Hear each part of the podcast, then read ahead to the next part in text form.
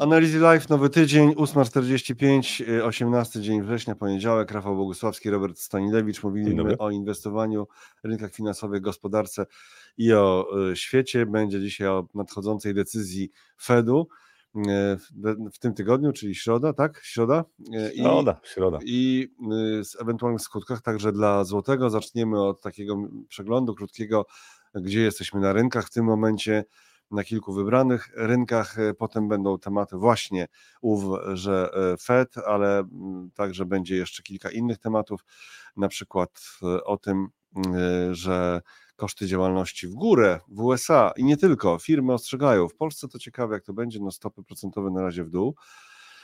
Ropa to też rynkowo, przeglądowo, ale ropa w górę, diesel jeszcze bardziej to będzie odrębny temat. Oczywiście na razie nie w Polsce, bo też mamy pewne narzędzia, znaczy rząd ma i państwo ma pewne narzędzia, narzędzia tak, Orlen ma pewne narzędzia podobno, znaczy on tego nie mówi, ale robi. E, I kilka innych tematów. Oczywiście czekamy przede wszystkim na Wasze sygnały, na Wasze komentarze i propozycje tematów od Was. No i co, Rafale, startujemy. Zaczynamy. Zaczynamy.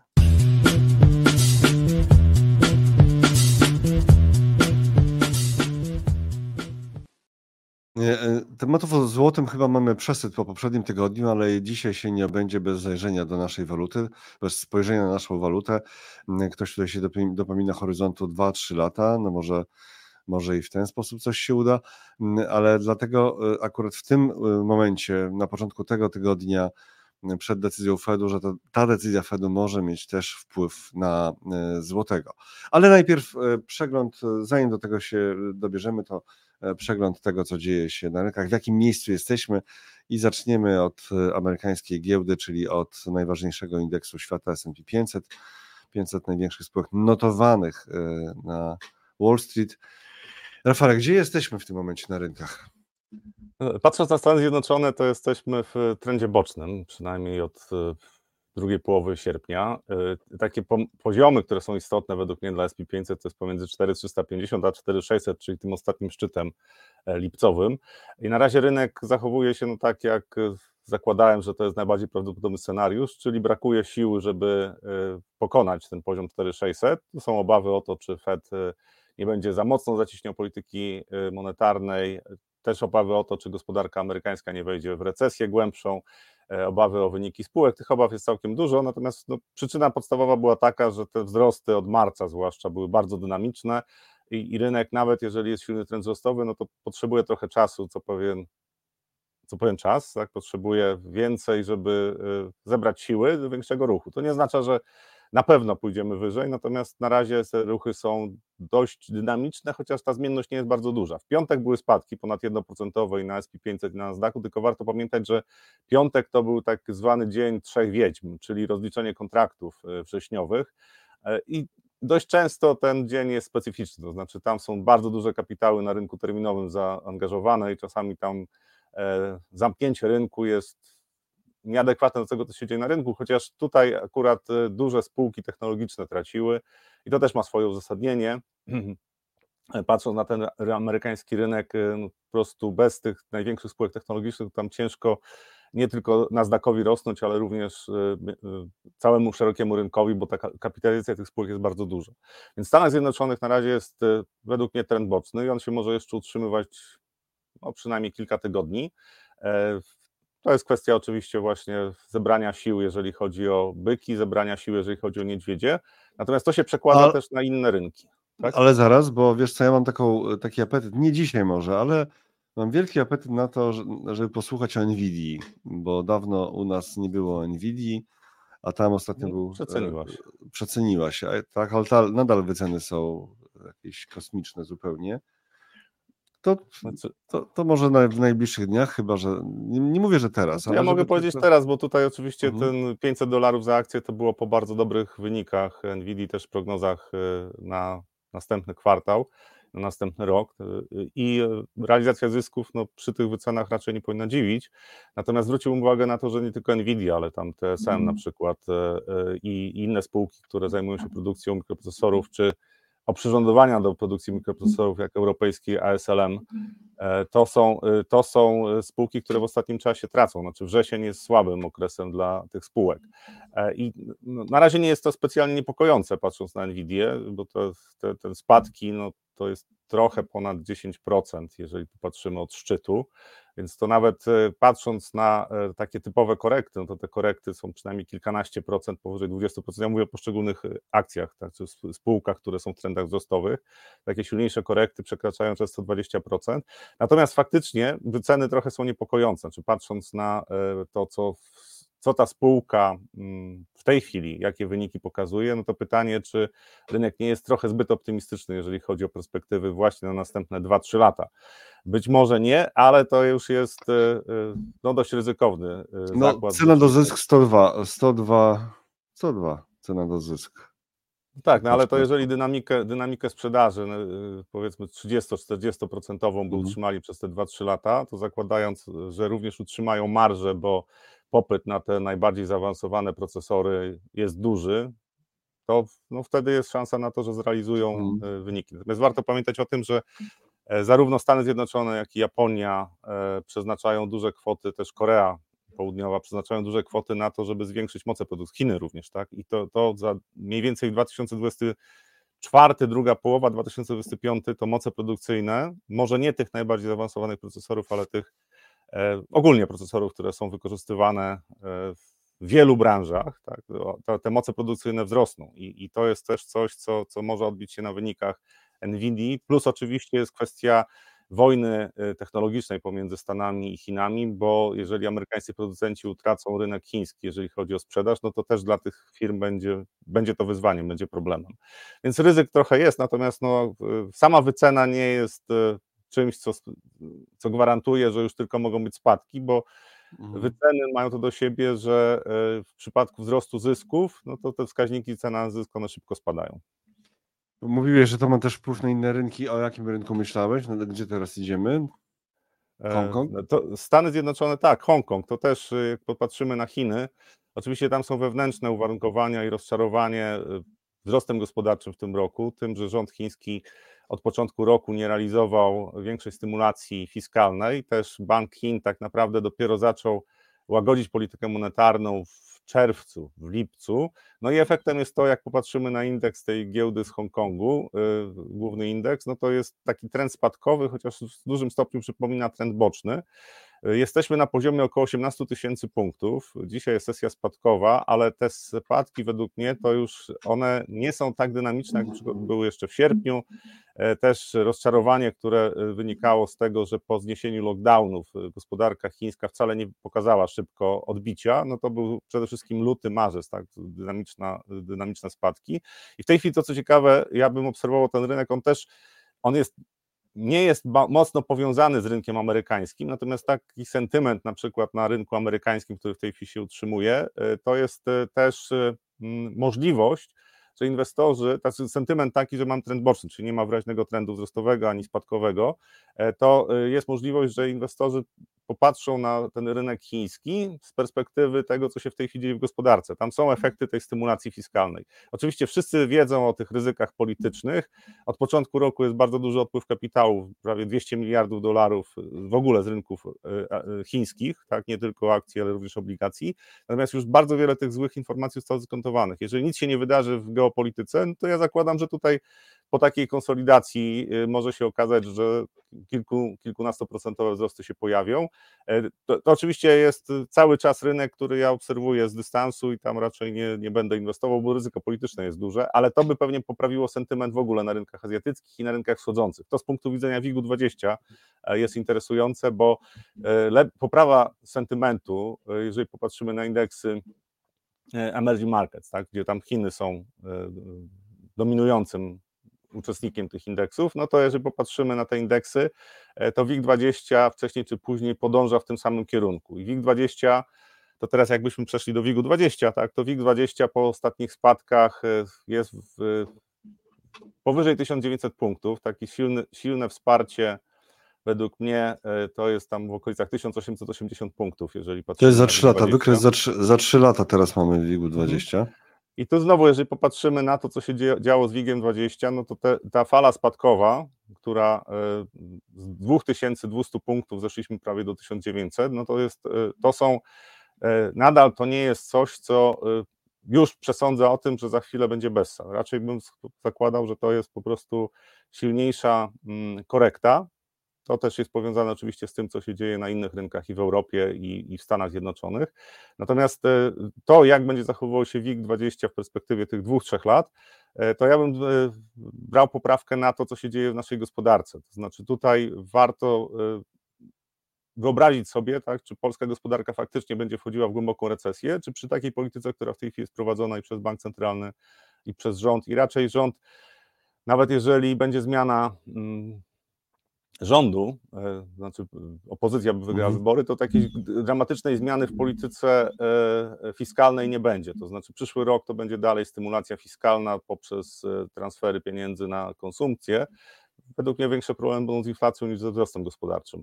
I, i właśnie patrząc w perspektywie tych dwóch, trzech lat, to teraz jesteśmy w takim po okresie korekcyjnym. Być może on zostanie pogłębiony, gdyby w Stanach okazało się, że są spadki dalej kontynuowane E, to, e, to oczywiście to się przełoży na sentyment do polskiego rynku, natomiast w perspektywie dwóch, trzech lat to zakładam, że e, polska giełda będzie się broniła. Będziemy mieli taką mieszankę, która nie szkodzi specjalnie rynkom akcji, to znaczy dość wysoka inflacja i wzrost gospodarczy, powiedzmy umiarkowany w perspektywie dwóch lat, pewnie w okolicach 2% jesteśmy w stanie rosnąć, już może trochę więcej.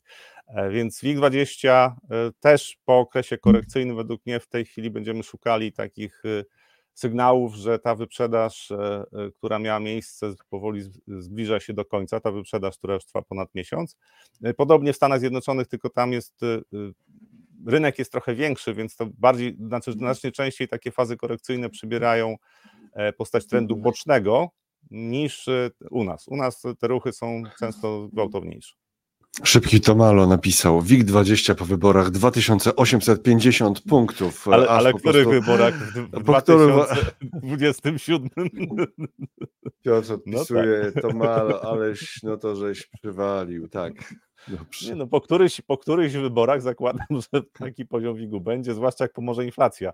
Ta 5% nieodczuwalna, to, to, to tylko, tylko z powodu inflacji za 5 lat będziemy 30% wyżej. Tak? NCWK pisze przecież ledwo co mieliśmy Besse, czy te cykle się tak skróciły?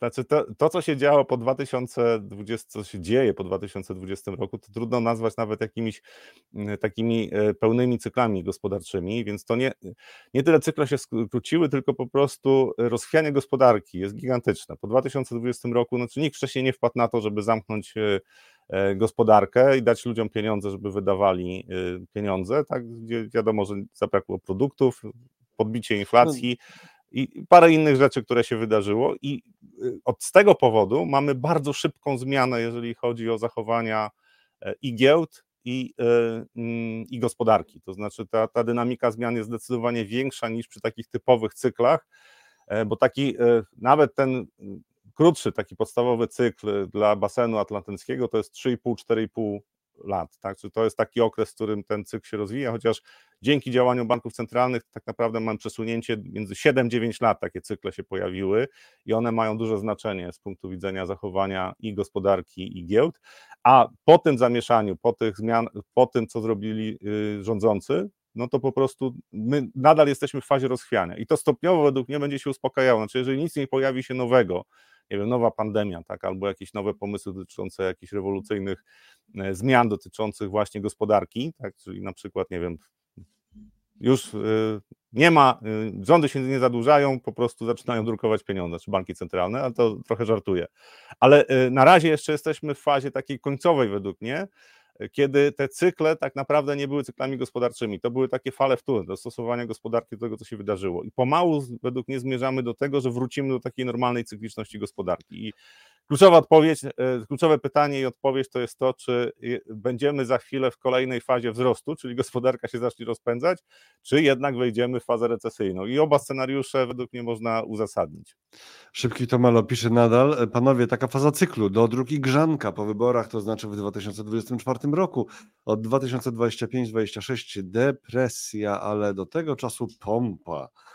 Może tak być. Znaczy, to mhm. też warto brać pod uwagę, że w Stanach Zjednoczonych te wybory listopadowe w 2024 roku, no to jest coś, co demokraci na pewno, myślę, że znają historię e, i e, pozwolenie na to, żeby gospodarka osłabła w roku wyborczym jest bardzo słabym pomysłem. To się o tym przekonał e, George Bush e, senior, tak? To był 91 rok. Też Jimmy Carter się przekonał. 1991 że... rok. E, Rafał, niektórzy tutaj wiesz. Ale 91 się. rok, no to okej, okay, no ale to. Albo nie, później. Ja nie sięgam do 1880, 1891 roku, więc 91 wydaje mi się, że to jest. E, no, okej, okay, taka historia już odległa, ale faktycznie E, w tym roku wyborczym, zwłaszcza gdy chodzi o drugą kadencję, to, to myślę, że tutaj Amerykanie będą, demokraci będą starali się, żeby stymulacja fiskalna była potężna. Pytanie, bo już ten temat u nas się pojawiał, e, shutdown, tak, czyli zamknięcie rządu, bo tam trwają negocjacje, jeżeli do końca września nie będzie 12 e, ustaw przepchniętych przez kongres, no to na razie może, znaczy okaże się, że za chwilę trzeba zamknąć część agent rządowych. I pytanie, na jakie ustępstwa pójdą demokraci, bo republikanie chcą wymusić pewne działania, czy chcą ograniczyć wydatki. Wydaje mi się, że nie ograniczą tego wystarczająco, znaczy nie uda im się e, republikanom mocno tego ograniczyć, więc bardzo możliwe jest, że po prostu ta pompa, czyli e, stymulacja fiskalna będzie napędzała gospodarkę, warto pamiętać, że w Stanach Zjednoczonych w tej chwili jest boom inwestycyjny. Jeżeli chodzi o firmy, to jest po prostu szaleństwo. E, może nie szaleństwo, ale boom. Generalnie jesteśmy przy WIG-u 20, tak w ogóle. To wszystko są e, obszerne, arcyciekawe dygresje, ale jeszcze wracając do tego klucz, e, kor, korowego tematu w tym momencie, to jeśli po covidowym drukowaniu nie było na WIG 22 500, to przez najbliższe lata na pewno nie będzie. Mister Tom e, pisze. Co ty no to, to ja bym zwrócił uwagę chociażby na Orlen, tak? bo to jest w tej chwili Orlen tam ma, nie wiem, wskaźnik cena na zysk poniżej dwóch chyba. E, znaczy nie sugerował mi się, że to jest bardzo tanio, bo tak, bo pewnie, pewnie część tych zysków jest nieuzasadniona, nie do utrzymania, natomiast e, patrząc na Orlen, to tam wycena ryzyka politycznego, znaczy takich działań, jak w tej chwili Orlen podejmuje, czyli obniża ceny e, na stacjach benzynowych, czy w hurcie, tak, na stacjach benzynowych też, pomimo tego, że mamy osłabienie złotego i wzrost cen e, ropy naftowej na rynkach światowych, no to, to pokazuje, jakie ryzyko polityczne jest dla tej spółki. To znaczy oni za trzeci kwartał pokażą bardzo mizerne wyniki, bo innej możliwości nie ma. Natomiast pomijając to, mm, to, co się dzieje w tej chwili, to na przykład gdyby okazało się, że jest zmiana rządu, czyli opozycja wygrywa, to wycena Orlenu jest atrakcyjna. Znaczy, biorąc nawet pod uwagę to, że część tych zysków jest y, nieuzasadniona, że tam możliwe są kary, jeżeli Walking się faktycznie tym zajmie, to mimo wszystko w dłuższej perspektywie ta spółka jest warta więcej niż jest wyceniona teraz. I to jest jeden z przykładów. No tak, e, cena do wartości księgowej 0,4, y, no 0,5 cena do tak, wartości tak. księgowej. I, i, I, patrząc na nasz rynek, to takich spółek na, z WIG-u 20 jest y, no, co najmniej kilka, które w tej chwili mają uwzględnione ryzyko polityczne. Są to takie spółki jak na przykład Dino, które mają w tej chwili y, pewien, pewne wyzwanie z utrzymaniem dynamiki wzrostu. Natomiast to nie znaczy, że ta spółka jest skazana na to, że będzie się zachowała źle w perspektywie właśnie tych dwóch, trzech, pięciu lat. To, to ja dobrze poukładany biznes może się obronić. Więc są przesłanki do tego, żeby przyjmować, że te 2,5 tysiąca jest do pokonania, zwłaszcza, że ja przyjmuję, że będziemy w takim środowisku, gdzie mamy wyższą inflację. I to jest coś, co nie jakąś kosmicznie wysoką, ale wyższą mhm. inflację i to jest coś, co będzie, będzie oddziaływało jednak na, na wyceny naszych y, spółek. Opuszczamy ten teren, e, skoro był Orlen, to e, może ropa pasuje. Opuszczamy teren WIG-20, który teraz no, jakiś tam ruchy robaczkowe wykonuje w tym momencie w okolicach 1975 e, punktów. Teraz akurat ten robaczek jest na, na jakiś tam plus minimalny. 300, no, nie ma o czym, to, to nie ma o czym mówić, tak? E, to skoro, no, no, to, to może to może rzeczywiście teraz, skoro było o Orlenie na koniec tego fragmentu z WIG-u 20, to niech będzie ropa. I gdzie jesteśmy? Na ropie. I ropa teksańska, tak, znaczy ja mhm. przede wszystkim mówię o teksańskiej, tam kilka dolarów trzeba dołożyć do ropy Brent, ona jest zazwyczaj droższa, od wielu, wielu lat już jest droższa, e, natomiast e, ropa teksańska pokonała 90 dolarów. Pytanie, czy ten ruch będzie kontynuowany, no to jest też warte sporo pieniędzy, natomiast wydaje się, że na razie przy determinacji krajów OPEC, zwłaszcza Arabii Saudyjskiej i Rosji, to nie jest kraj OPEC, tak, ale Rosja współpracuje z OPEC, że nie zwiększą wydobycia w najbliższym czasie, no to szanse na to, że 95 dolarów ropa teksańska osiągnie dość szybko, to jest no, według mnie całkiem, całkiem prawdopodobny scenariusz. Dlaczego to jest istotne? No przede wszystkim inflacja. To jest inflacja, podbicie inflacji. Tutaj e, też e, e, są problemy z dieslem, znaczy paliwem tak, do, do silników diesla. Między innymi dlatego, że brakuje surowca, ale też moce przetwórcze no, są wykorzystywane już w takim stopniu, że zaczyna być to problemem. Znaczy ceny diesla rosną szybciej niż ceny ropy naftowej w ostatnim czasie i to się przełoży na inflację. E, a problem jest również taki, że jeżeli mówimy o dieslu, to zwłaszcza końcówka roku to jest ten okres, e, kiedy popyt na diesla rośnie e, i warto mieć to na uwadze, że tutaj może się okazać, że tego diesla będzie brakowało, czyli tam ceny jeszcze podbiją inflację w, i w Stanach Zjednoczonych, tak, ale również w Europie.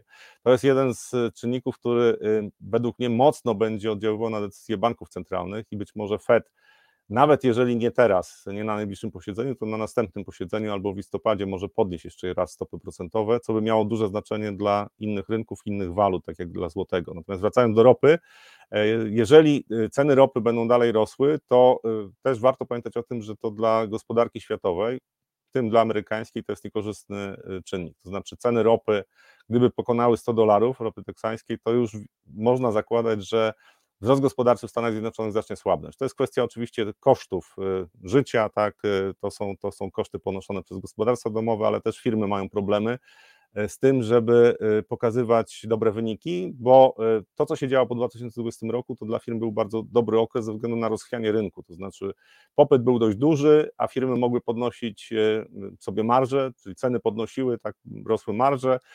Te marże dla europejskich firm były na poziomach, które były wcześniej nie do osiągnięcia. No i wydaje się, że w tej chwili poprzez też decyzje banków centralnych, europejskiego, amerykańskiego, to ten taki dobry czas na to, że firmy mogą sobie dowolnie w zasadzie kształtować e, ceny, no, mija. To znaczy są ograniczenia popytowe i one według mnie będą narastały. To nie znaczy, że to za chwilę wejdziemy w wielką recesję, e, natomiast jest e, to scenariusz, który będzie wpływał na dynamikę wzrostu gospodarczego ewidentnie. Znaczy ceny ropy to jest coś, co szkodzi, duże, wysokie ceny ropy to jest coś, co szkodzi gospodarce e, światowej. Stany Zjednoczone są szczególnie wrażliwe na ceny ropy. To wynika z tego, że tam dość szybko to się przenosi na, e, na konsumpcję, na, na poziom cen gospodarstw domowych. To też się przenosi na E, koszty życia, znaczy koszty ogrzewania, jeżeli zbliżamy się do zimy, no to warto o tym pamiętać. E, I więc e, to jest coś, co z punktu widzenia całej gospodarki, co jest negatywne, czyli te wzrosty cen ropy naftowej to, są, to, są, to jest scenariusz, który nie jest zbyt optymistyczny. Pytanie, do jakich poziomów te ceny ropy mogą wzrosnąć, bo oczywiście wzrost cen powoduje, że przy, pewnym poziomie bariera popytowa zaczyna mieć znaczenie, to znaczy ludzie mniej jeżdżą, tak zużywają mniej paliwa, E, też mniej kupują e, produktów, które są droższe, bo ceny paliwa poszły w górę, więc firmy też muszą podnieść e, ceny usług czy ceny produktów.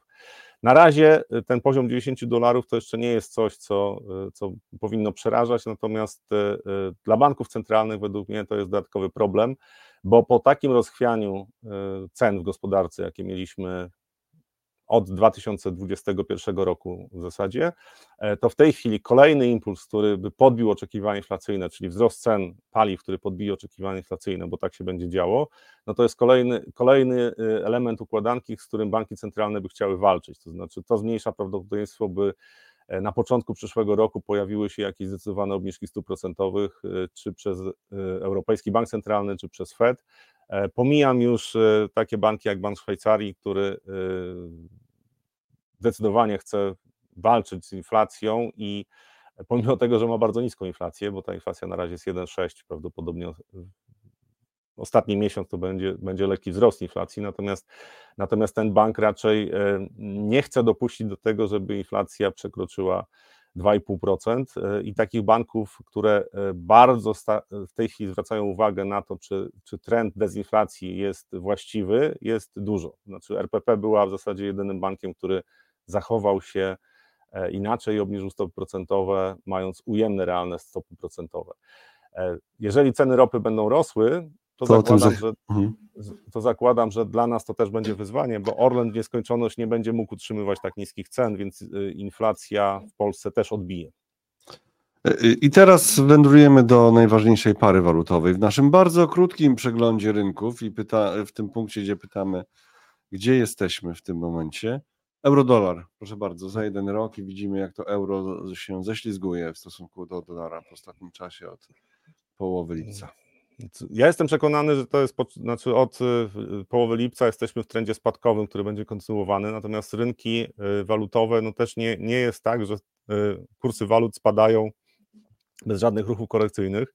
Chociaż jeżeli te spadki są takie dość spokojne, bo jak popatrzymy na euro-dolara, to tu nie ma jakiegoś szaleństwa, to nie było tak, że 5% w dwa dni spadku, tylko to po prostu trend spadkowy, który jest zbudowany e, stopniowo e, i e, to też, jest, to, to też świadczy według mnie o tym, że rynek był źle spozycjonowany, czyli za dużo było byków na euro, i oni stopniowo zaczęli, zaczynają się poddawać. E, I, I dlatego, e, że stopniowo to cały czas liczyli na to, że będzie trend wzrostowy kontynuowany, a nie jest. Natomiast zeszliśmy do poziomów 1,0630, ten poziom był w ubiegłym tygodniu i to są takie poziomy, to są minima z przełomu maj-czerwiec, trochę poniżej tego 1,06 też są takie poziomy w, z marca ubiegłego roku. E, I według mnie to jest taki obszar, gdzie tutaj e, spekulanci będą próbowali zagrać na odbicie kursu. To, to by pomogło pewnie e, krótkoterminowo rynkom, takim rynkom jak rynek polski, akcyjny, ale również złotemu. Natomiast jeżeli ten trend będzie kontynuowany bez korek, no to niestety to będzie coś, co będzie źle oddziaływało, jeżeli euro-dolar będzie dalej spadał, czyli dolar się umacniał, to będzie źle oddziaływało na złotego, nie tylko w kontekście kursu dolar-złoty, ale euro-złoty również, frank-złoty również. E, ja liczę na to, że takie odbicie się pojawi, ale podkreślam, to będzie odbicie mm, korekcyjne, czyli powiedzmy poziom 1,09 jest możliwy w perspektywie kilku tygodni. E, być może do końca roku nie będzie trendu spadkowego kontynuowanego, to zależy trochę od, między innymi od tej decyzji Fedu w najbliższym czasie. Natomiast jeżeli Fed byłby bardzo jastrzębi i okazałoby się, że euro-dolar zareaguje negatywnie, czyli dolar się umocni, no to niestety y, w tej chwili patrząc na kurs y, złotego y, przez ten pryzmat, to jest poważne ryzyko dalszego osłabienia złotego. To znaczy, jeżeli dolar będzie grany, to znaczy będzie spekulanci decydują, że jednak kupujemy dolara, to dla złotego to jest bardzo zły scenariusz, właśnie dlatego, o czym powiedziałem wcześniej, RPP jest jedynym bankiem centralnym, który mając ujemne realne stopy procentowe zdecydował się na obniżkę stóp procentowych. Większość banków w tej chwili jest w fazie jeszcze zacieśniania polityki, ewentualnie czekają na e, na, na to, co spłynie z gospodarki, czyli nie, nie zmieniają stóp e, procentowych. Obniżają stopy procentowe takie banki jak Bank Brazylii, który teraz będzie miał drugą obniżkę stóp procentowych prawdopodobnie z poziomu 13,25 do poziomu 12,75, to jest ta podstawowa stopa procentowa.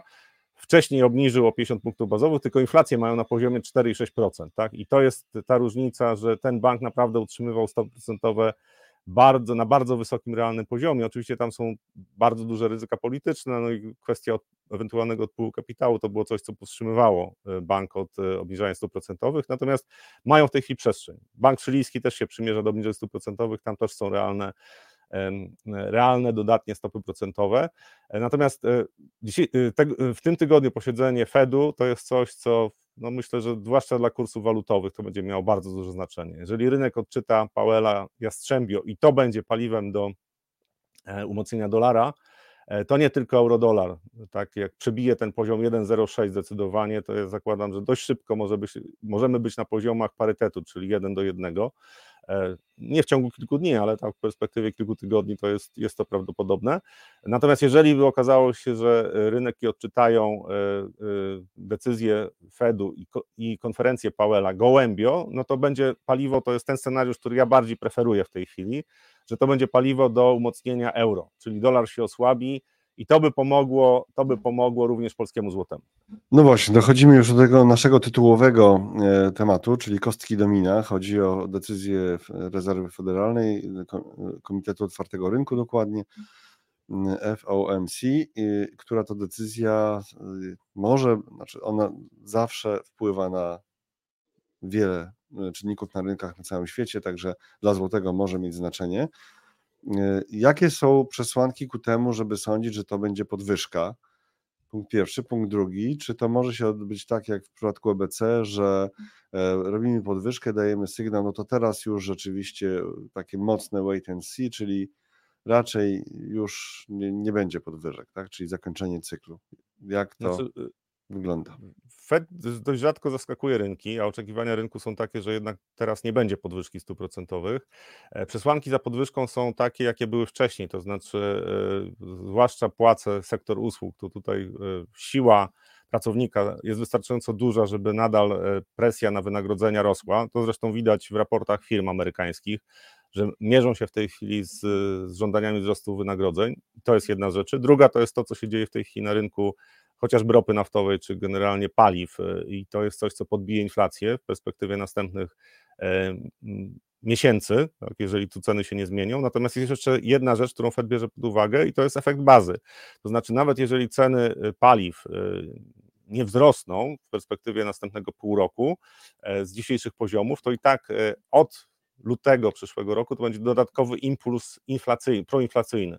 I problem polega na tym, że inflacja to nie jest taki prosty mechanizm, że tutaj Fed zacieśnił politykę i ta inflacja spadła i już w ogóle wszyscy są przekonani, że inflacja będzie spadała. W tej chwili Fed osiągnął to, że oczekiwania inflacyjne spadły w Stanach Zjednoczonych. Natomiast jak ludzie zobaczą ponownie, że inflacja się podnosi, a prawdopodobnie zobaczą to już danych za e, wrzesień, ze względu na to, co się dzieje z ropą naftową. Znaczy już pierwsza, pierwszy wzrost e, e, inflacji był, tak, tutaj konsumenckiej, natomiast może być tak, że również inflacja bazowa za wrzesień pokaże wzrost zamiast spadku. I to jest coś, czego Fed się będzie bardzo obawiał. I to są przesłanki za podwyżką stóp procentowych. Natomiast na razie wydaje mi się, że bardziej prawdopodobny jest scenariusz taki, że y, będzie umiarkowanie jastrzębi bez Fed, bez y, podwyżki stóp procentowych i rynek będzie mhm. grał na to, że może być jeszcze jedna podwyżka na przykład w listopadzie. No właśnie, tutaj jeszcze artykuł sprzed dwóch dni na Bloombergu, że, y, że jest takie oczekiwanie w hedge fundach, że to spotkanie Fedu będzie jastrzębie. Tak? No, tutaj nie ma mowy o tym, że e, będzie podwyżka, ale też może być bez podwyżki jastrzębie spotkanie tak? i wystąpienie Powella tak, jastrzębie. Tak, znaczy tutaj brak podwyżki nie będzie czymś traktowanym jako gołębie, gołębie podejście Fedu. Natomiast ja bym zwrócił uwagę właśnie na to, że te hedge fundy są tak spozycjonowane w tej chwili, że zakładają, że będzie jastrzębio i to jest bardzo dobry dobre miejsce albo paliwo do tego, żeby y, rynek zareagował zupełnie odwrotnie. To znaczy, jak wielu spekulantów zakłada, że będzie jakiś scenariusz, y, to jak y, Powell okaże się odrobinę bardziej gołębi, to wystarczy niewiele, żebyśmy na przykład te 2% na eurodolarze poszli w górę. I taki scenariusz według mnie jest prawdopodobny. To, to jest coś, co warto brać pod uwagę, jeżeli mówimy o tym tygodniu, że tutaj e, bardziej gołębi Powell to jest coś, co wpłynie również na rynki wschodzące, w tym na WIG20 i na e, między no innymi euro, do, euro złotego. Jak działa ta, ten mechanizm domina w przypadku Fedu? I jak to, jak ewentualna jednak podwyżka wpłynęłaby na złotego? E, ewentualna podwyżka według mnie i z takim komunikatem, który by potwierdził, że FED jest jastrzębi, to jest osłabienie złotego. No może nie tak dynamiczne jak po decyzji RPP, ale umocnienie złotego. Natomiast jak działa efekt domina? E, większość banków, nawet Europejski Bank Centralny, nie, nie chcą być e, za mocno odstawać z polityką monetarną od Fedu. A już takie banki jak Bank Anglii, Szwajcarski Bank Centralny, no to ewidentnie tam decyzje są brane znaczy te decyzje, które podejmują, to biorą pod uwagę to, co robi Fed, w jakiej fazie cyklu jest. Teraz mamy w czwartek posiedzenia szwajcarskiego banku centralnego, e, angielskiego banku centralnego, norweskiego banku centralnego, mamy posiedzenie. E, szwedzkiego banku centralnego. Większość tych banków mm, tej chwili y, rynek spodziewa się, że będzie podwyżka stóp procentowych przez większość tych y, banków. Y, taka decyzja zostanie podjęta. Jeżeli Fed podniesie stopy procentowe, to wtedy na 99% Fed podnosi stopy procentowe w, w środę, w czwartek te banki podnoszą stopy procentowe, na 99% wszystkie podnoszą stopy procentowe. Jeżeli Fed nie podniesie stóp procentowych, to na przykład w przypadku szwajcarskiego banku centralnego tutaj jest możliwe, że nie zrobią takiego ruchu. Pytanie o norweski bank centralny to też jest pytanie otwarte.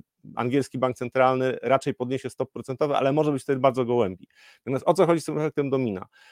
Banki centralne, które e, idą przeciwko tej tendencji, którą narzucił amerykański bank centralny, ryzykują tym, że wcześniej czy później to bardzo mocno odbije się na walucie. Tutaj jen japoński jest przykładem tego. Oczywiście to jest kwestia też poziomu długu i, i, uwarunkowań, które dotykają tą gospodarkę. Natomiast e, to, że e, japoński bank centralny nie zaczął podnosić stóp procentowych wtedy, jak podnosiły inne banki centralne, w tym Fed, który był szybszy na przykład niż Europejski Bank Centralny w podwyżce stóp procentowych, to jest coś, e, co spowodowało, to jest jeden z czynników, który spowodował, że jen się gwałtownie osłabił. I to jest ryzyko dla większości banków centralnych mniejszych od Fedu, a wszystkie są mniejsze od Fedu, że jeżeli nie będą słuchały tego, co robi Fed i nie będą sygnalizowały rynkom, że biorą to pod uwagę i podążają w tym samym kierunku, że wcześniej czy później zapłacą kursem walutowym. To znaczy osłabienie waluty bardzo często jest skutkiem ubocznym podjęcia takich działań jak chociażby RPP.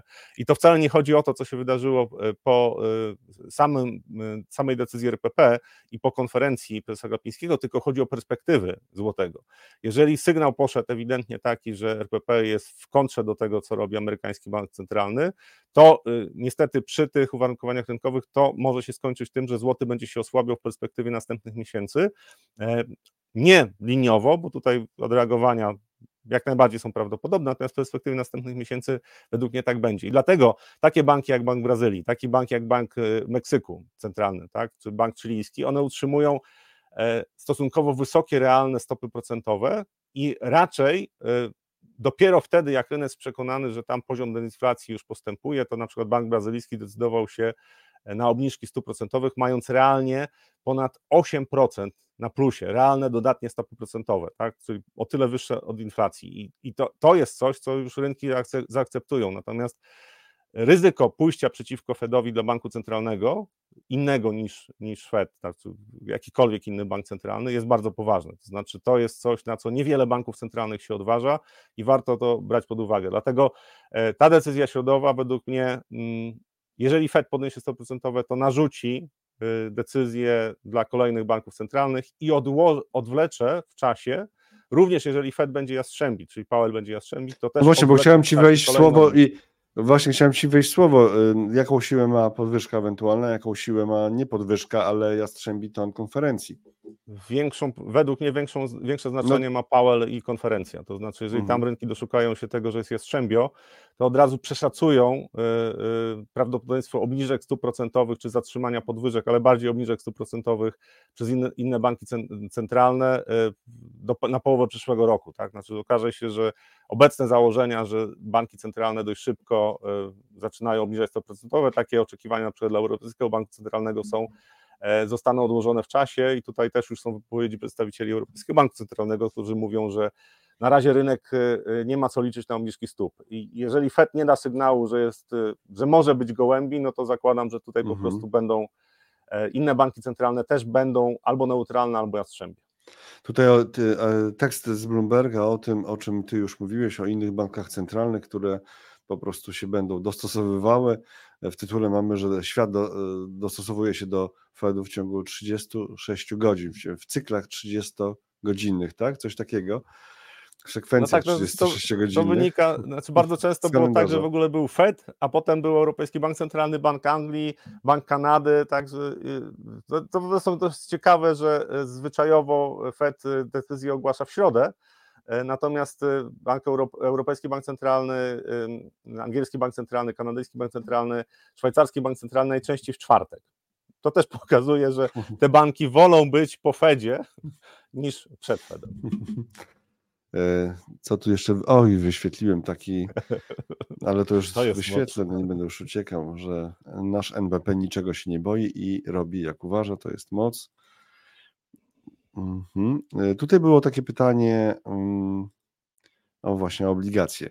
To jeszcze to wrzucimy od Jacka. Czy obligacje niemieckie po ostatniej podwyżce ECB są bardziej atrakcyjne od amerykańskich? Podaż e, US bonds większa od e, niemieckich. Dlaczego bundy nadal tanieją? Rentowności DE 10-letnich bundów rosną, niemieckich 10-letnich bundów rosną.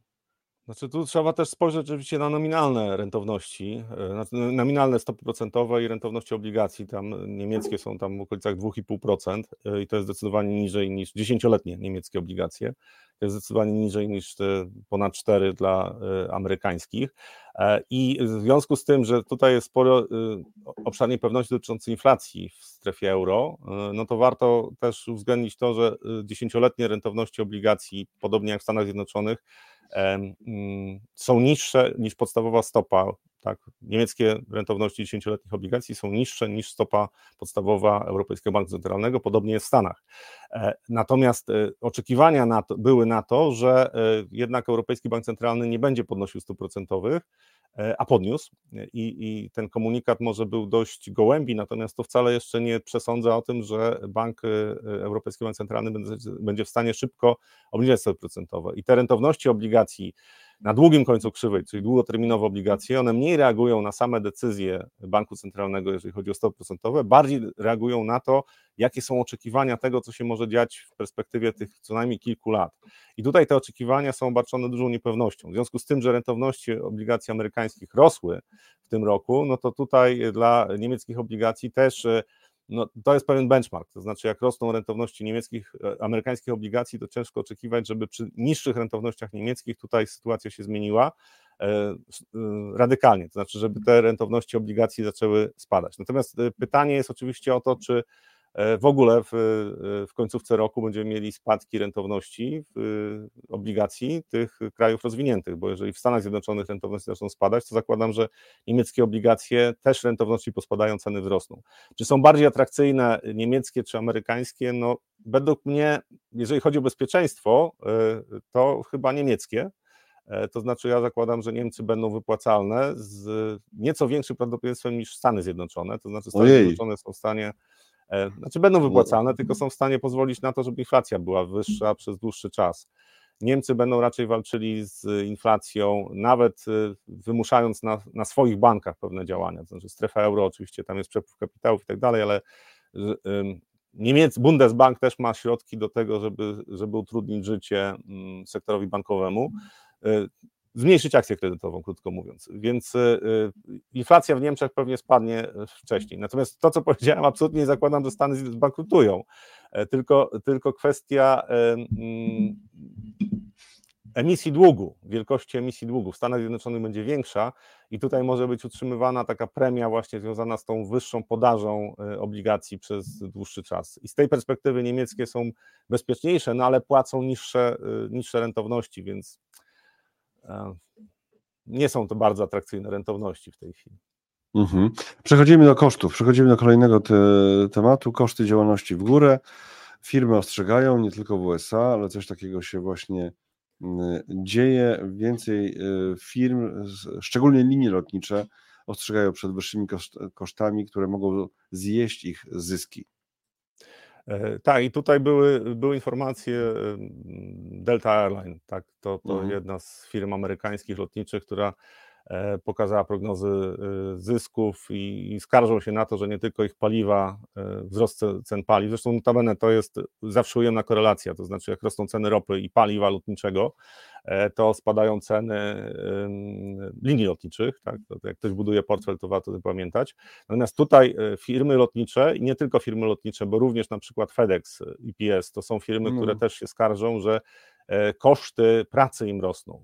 Trwają twarde negocjacje, pracownicy wymuszają na tych firmach podwyżki wynagrodzeń i to jest jakby ten okres mniej przyjemny z punktu widzenia firm, kiedy mieliśmy pierwszą fazę wzrostu inflacji, E, rozchwiania rynku i wtedy można podnosić ceny na, e, e, na swoje usługi czy produkty, ale po pewnym czasie właśnie pojawiają się żądania strony pracowników, którzy mówią, dobrze, dobrze, to teraz podniesie nam wynagrodzenia.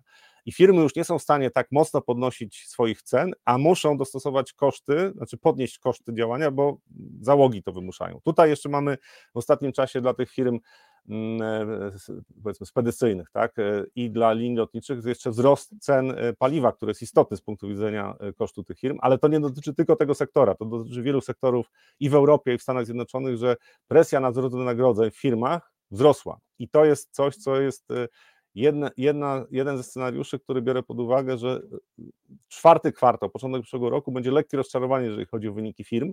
Lekkie. To, to nie, nie jest coś, co, co według mnie zakończy rynek byka w Stanach Zjednoczonych, natomiast warto o tym pamiętać, że w tej chwili to jest normalne fazy cyklu y, gospodarczego po gwałtownym wzroście inflacji, że następuje potem dostosowanie, czyli te ruchy wtórne, jeżeli chodzi o inflację, one będą e, i w Europie, i w Stanach Zjednoczonych, ze względu właśnie na to, że będą rosły wynagrodzenia. Czyli cały czas jeszcze będziemy w takim okresie, kiedy gospodarka nie złapie takiego poziomu zmian cen, która jest do utrzymania w dłuższej perspektywie, czyli na przykład nie wiem, te 2%. I tam oscylujemy E, od 1,5 do powiedzmy 2,5, tak, e, i inflacja w, ty, w, tym obszarze, wszyscy są zadowoleni.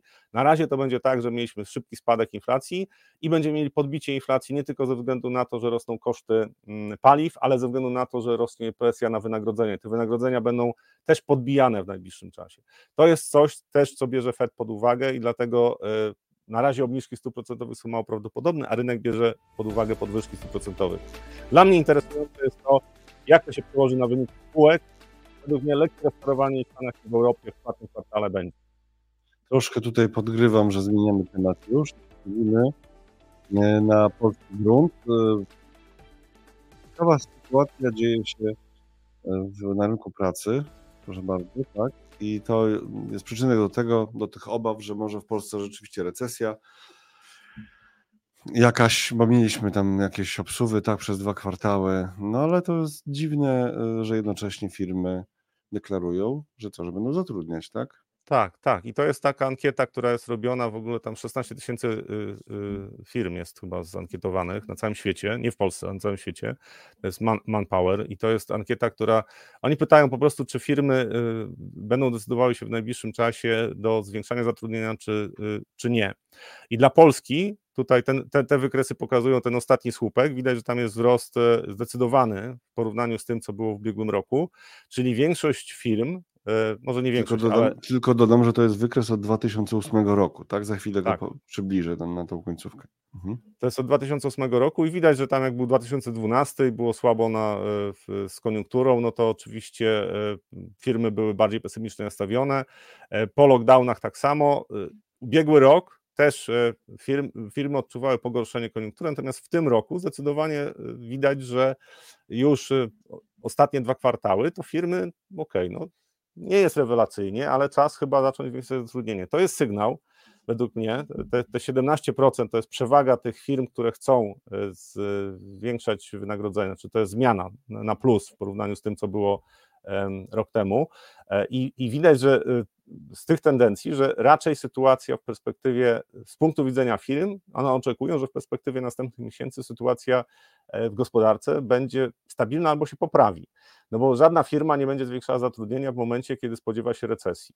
Oczywiście tutaj może być błąd tak, związany z tym, że firmy nie widzą zagrożeń, które się pojawią, natomiast jak patrzymy historycznie, no to raczej to jest zapowiedź tego, że w polskiej gospodarce nie będzie źle. I to jest mój podstawowy scenariusz, że może y, euforycznych wzrostów nie będzie, gospodarka nie będzie pędziła w tempie 4%, natomiast w przyszłym roku taki jednoprocentowy wzrost gospodarki, e, a 2025 dwuprocentowy, to jest scenariusz, który jest bardzo prawdopodobny.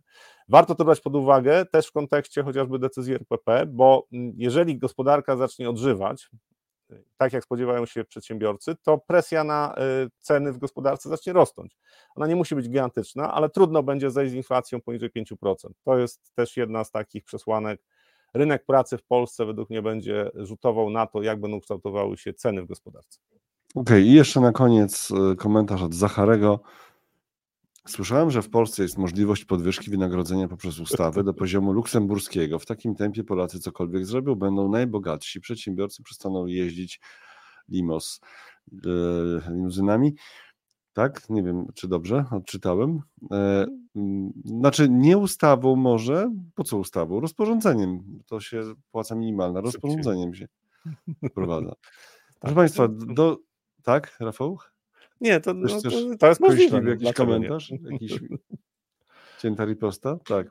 Proszę Państwa, kończymy dzisiejszy odcinek y, analizy live. Dziękujemy za Waszą obecność, dziękujemy za Wasze pytania. Tym, którzy są z nas, z nami już nie na żywo, tylko oglądają nagranie z naszego live'a poniedziałkowego, y, też bardzo dziękuję i zachęcam do tego, żeby mm, wpisywać komentarze pod filmami, żeby proponować tematy, jakimi powinniśmy się zająć. Zapraszam też na nasze strony internetowe, na przykład e, analizy.pl, www.analizy.pl. Zapraszamy tutaj, tak, pokażemy teraz. Był, ktoś miał dysonans poznawczy, bo tu jesteśmy w czarnych t-shirtach, a wyskoczyliśmy na biało. Cali na biało, tak, po prostu, więc e, no, przepraszamy za ten dysonans poznawczy. Jeżeli, jeżeli dla kogoś taka jedność ma znaczenie, to tym razem rzeczywiście tej jedności nie było, ale tutaj na www.analizy.pl PL macie całą masę ciekawych informacji. No to jeszcze podsumowanie poprzedniego tygodnia mm, o, o tym, o ile ciechu jest ciechu, ciechu w funduszach inwestycyjnych, o pewnym TFI, który otwiera parasol funduszy bez opłat. No rzeczywiście ciekawy, ciekawy pomysł na życie, ciekawe rozwiązanie y, i ciekawe, jak zostanie przyjęte. Y, mm, a także zapraszamy na stronę kupfundusz.pl. Y, ta, to jest platforma inwestycyjna, na której można inwestować mm, w fundusze inwestycyjne, kilkaset funduszy inwestycyjnych, najwygodniejsza, prawda, tak jak była pewna reklama pewnego płynu do picia, tak, pewnego mm, najprawdopodobniej najwygodniejsza platforma do inwestowania w fundusze inwestycyjne w Polsce, tak, proszę bardzo. Kup fundusz, to jest to. I znikamy i y, oczekujcie y, oczekujcie naszych y, na, sygnałów od nas, powiadomień, dlatego warto zrobić sobie powiadomienie. Jeszcze patrzę, czy czegoś nie, na pewno wiele przegapiliśmy jeszcze waszych arcyciekawych i arcyważnych komentarzy. Przepraszamy, no bo to akurat nie da się wszystkiego zmieścić w trakcie jednego live'a. Mm, ale to już chyba na dzisiaj rzeczywiście wszystko. Jeszcze jeszcze, jeszcze jedną rzecz widziałem od osoby, która chyba nie komentowała wcześniej. Chciałem, chciałem jakoś to uwzględnić, ale nie wiem, czy mi się uda. Tak, tak, to już kończymy, więc to już jest taki moment e, freestyle'owy zupełnie. Szukam tej pani, bo to była pani i no to przepraszam bardzo, bo ten komentarz mi jakoś wyleciał. Nie widzę go już w tym momencie. Nie wiem dlaczego. Nie skasowałem. E, może pani do nas jeszcze napisze kiedyś. To wtedy, to wtedy szybciej, to wtedy od razu wrzucę, od razu. No dobrze, proszę Państwa, żeby nie marnować Waszego czasu mm, i nie nadużywać cierpliwości, kończymy na dzisiaj. Rafał, dziękuję pięknie za e, piękny live e, poniedziałkowy 18 września na otwarcie nowego tygodnia i będziemy się widzieć w kolejnych dniach. E, zobaczymy, jak ten plan nam się ułoży na ten tydzień. Do zobaczenia. Do zobaczenia.